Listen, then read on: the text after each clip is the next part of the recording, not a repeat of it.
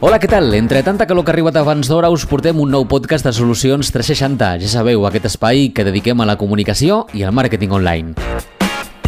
Avui parlem amb una persona el nom de la qual segur segur que et sona. Fins i tot és possible que hagis llegit el seu llibre. Ens referim a Txell Costa.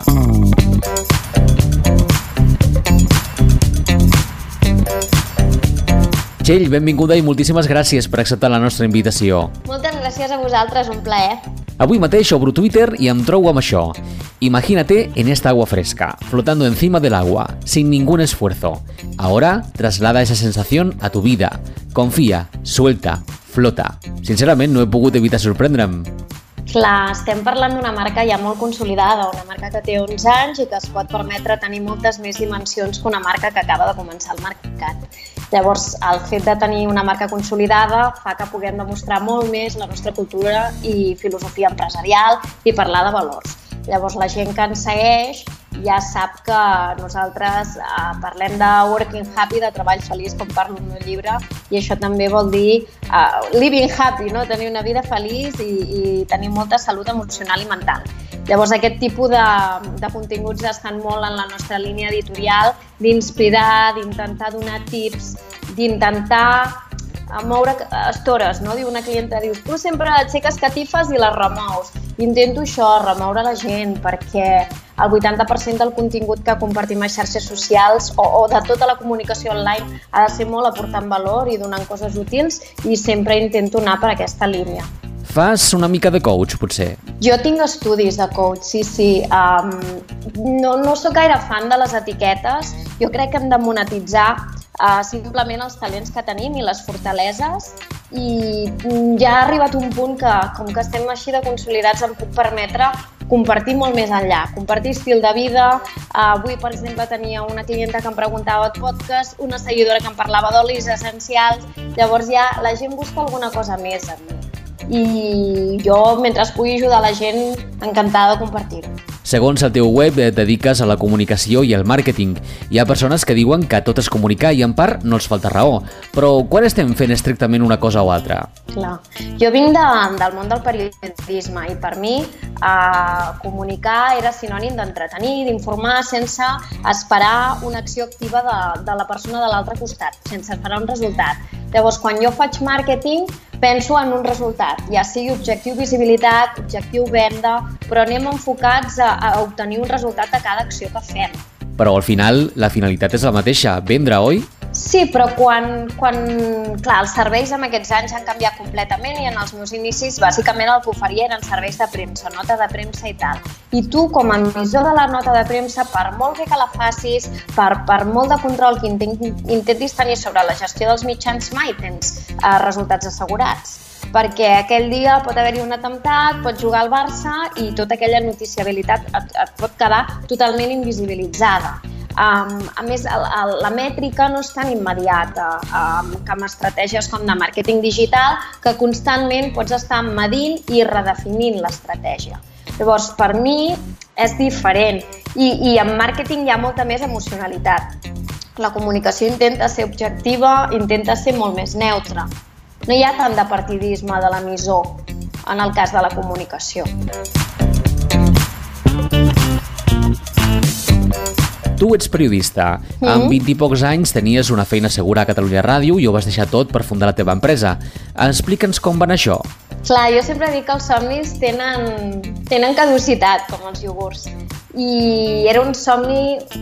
A, a la TED Talk parlo d'un somni d'ego al lloc d'un somni d'ànima, no? Era era, havia estudiat periodisme una mica per supervivència, eh, fruit del sistema educatiu en el que estem, que es destaquen més les nostres debilitats que les nostres fortaleses, i era una estudiant molt insegura que d'alguna manera jo lluitava per tenir una visibilitat o un estatus de, del pal. Si estudies carrera, eh, segur que tindràs feina i una carrera amb una mitjana molt alta. O sigui, semblava que hagués de demostrar alguna cosa i amb 20 i pocs anys tenia plaça guanyada i tot plegat. Plaça no, tenia oposicions aprovades més aviat.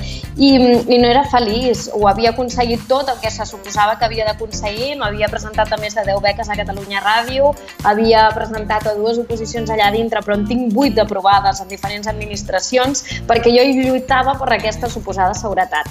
i quan la vaig tenir me'n vaig adonar que ni els diners, ni la seguretat, ni el reconeixement són res, perquè jo estava completament buida quan a fora se suposava que ja tenia l'èxit. I, i és a partir d'aquí que, que em van arribant clients i la gent em demanda sense haver-me ofert, la gent m'ofereix feina, guanyo una beca a la Generalitat i és arran d'això que penso, Txell, la vida t'està portant per un altre costat. Sigui, tu no ets feliç i se t'estan obrint noves portes, per què no les explotes? I a partir d'aquí intento monetitzar aquestes altres vies i de manera molt pautada, molt pausada, no és un canvi de dia a la nit, em monto com a freelance, mica a mica creixem i a dia d'avui Txell Costa Group és és mundial. Felicitat a la feina és un concepte del que parles sovint també a les teves xarxes socials, de la importància de la felicitat a la feina. Una tendència que sembla que cada dia guanya més adeptes, oi?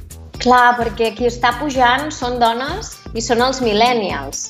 El, el mercat laboral està canviant un munt i la gent que està pujant és molt crítica i diu ei, amb la crisi s'ha demostrat que qui més treballa no guanya més perquè Espanya és el país número 1 en hores treballades i el, el número 1 en atur. Llavors, com que som tan crítics, ja ho volem tot. Ja, ja diem, ei, no tot són les peles, volem una qualitat de vida i per això estils com el Working Happy és el que cada vegada primen més, perquè, perquè som persones abans que professionals i ja no hem de subordinar la nostra vida a la feina. Es poden tenir clients feliços? Home, jo he sigut padrina de casament de clients meus. En sèrio? Sí, sí, sí. Uh, sí, sí, sí poden haver-hi que, que ja són amics i ja són de tot. Llavors, sí que hi pot haver clients molt feliços. Jo tinc molta gent que em diu que li ha canviat la vida. Llavors, i tant que hi poden haver clients feliços. Si la marca filtra, també és més fàcil, si tens un bon branding, que arribi al tipus de client que tu vols.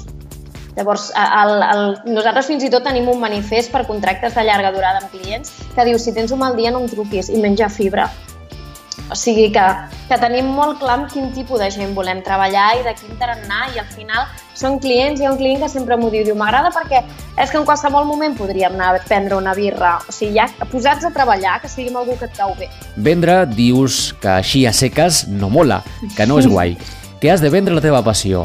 I com es fa això?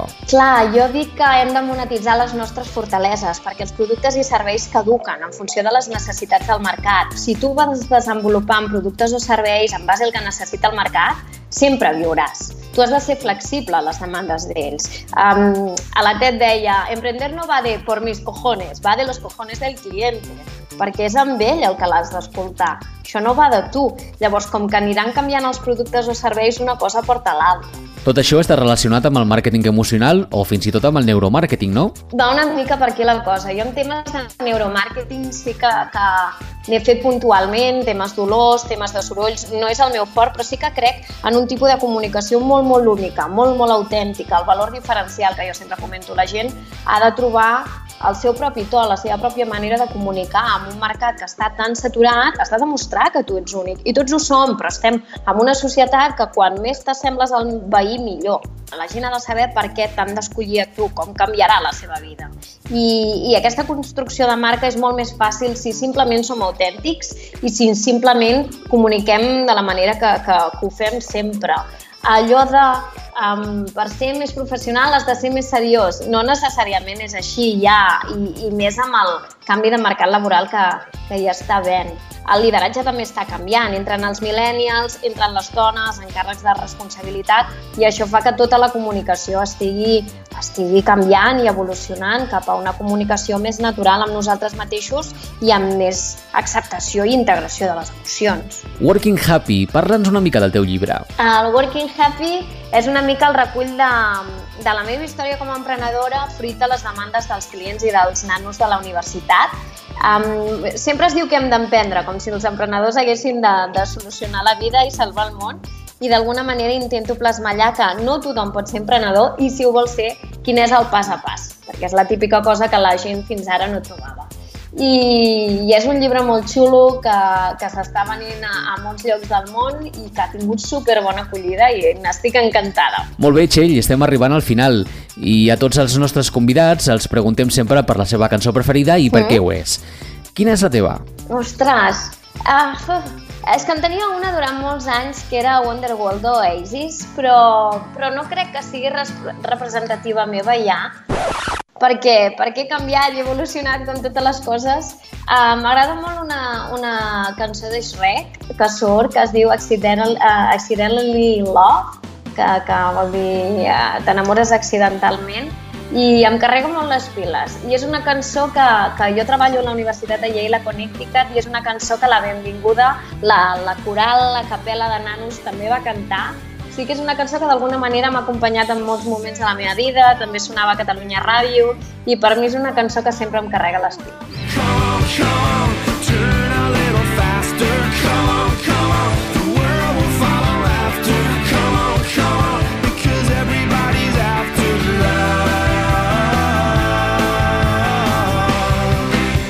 Doncs amb Accidental in Love de The Counting Crows posem punt i final a aquesta entrevista. Moltíssimes gràcies, Txell, i fins aviat. Moltes gràcies a vosaltres, un plaer.